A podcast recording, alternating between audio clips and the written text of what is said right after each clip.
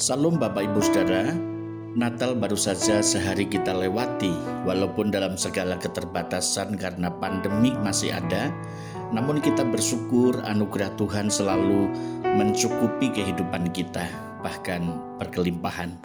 Mari kita berdoa.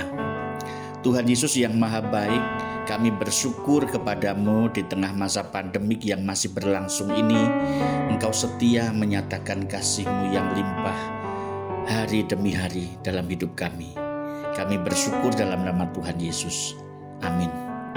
Saat ini kita akan membaca dan merenungkan firman Tuhan dari Injil Lukas pasal 2 ayat 25. Kemudian dilanjutkan ayat 28 sampai 32. Berbunyi demikian adalah di Yerusalem seorang bernama Simeon. Ia seorang yang benar dan saleh yang menantikan penghiburan bagi Israel. Roh Kudus ada di atasnya yang menyambut anak itu dan menatangnya sambil memuji Allah, katanya, Sekarang Tuhan, biarlah hambamu ini pergi dalam damai sejahtera, sesuai dengan firman-Mu, sebab mataku telah melihat keselamatan yang daripadamu yang telah engkau sediakan di hadapan segala bangsa, yaitu terang yang menjadi penyataan bagi bangsa-bangsa lain dan menjadi kemuliaan bagi umatmu Israel. Hidup puas dengan Tuhan. Lukas mendeskripsikan Simeon sebagai seorang yang benar, saleh, serta seorang yang setia sehingga masa tuanya pun dikatakan ia seorang yang tetap menantikan penghiburan bagi Israel. Itu berarti ia setia kepada apa yang dijanjikan Allah kepada bangsa keturunan Abraham itu bahwa akan ada keselamatan dan kelepasan bagi bangsa yang tertindas, bahkan bagi semua manusia yang menantikan pengharapan keselamatan Allah. Posisi Simeon tatkala memuji Allah tampaknya signifikan Lukas menginformasikan bahwa Simeon menyambut dan menatang bayi Yesus sambil memuji Allah ayat yang ke-28.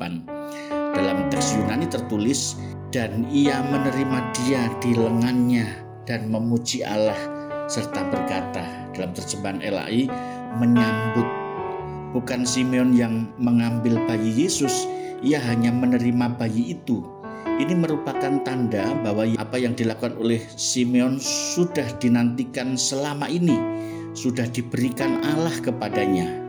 Begitu pentingnya hal ini, sampai-sampai dalam reaksi orang Kristen memandang Simeon sebagai seorang Theodokos atau penerima Allah.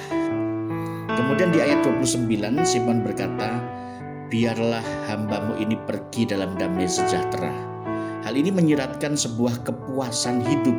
Segala yang Simeon telah alami adalah bagian dari Allah, sebuah hadiah yang besar yaitu menyambut Sang Juru Selamat dunia, Mesias yang dijanjikan ratusan tahun oleh Nabi Yesaya.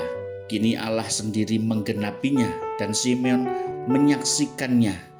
Dia puas akan seluruh hidupnya tentu saja berbeda dengan puas atas pencapaian tertentu di dunia ini, melainkan kepuasan oleh karena penggenapan akan pengharapan di dalam Tuhan kini telah menjadi kenyataan. Nyanyian syukur Simeon menyadari akan sebuah kepuasan hidup yang dialaminya, oleh karena ia menerima segenap janji keselamatan Salah satu alasan terbesar dalam hidup manusia merasa puas adalah keselamatan jiwanya.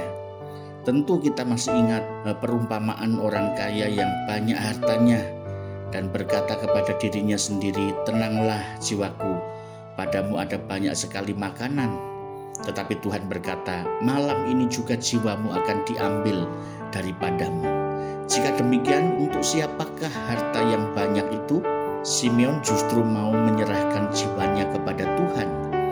Ia bisa memandang surga dengan terang karena matanya tidak diseliputi oleh keserakahan duniawi.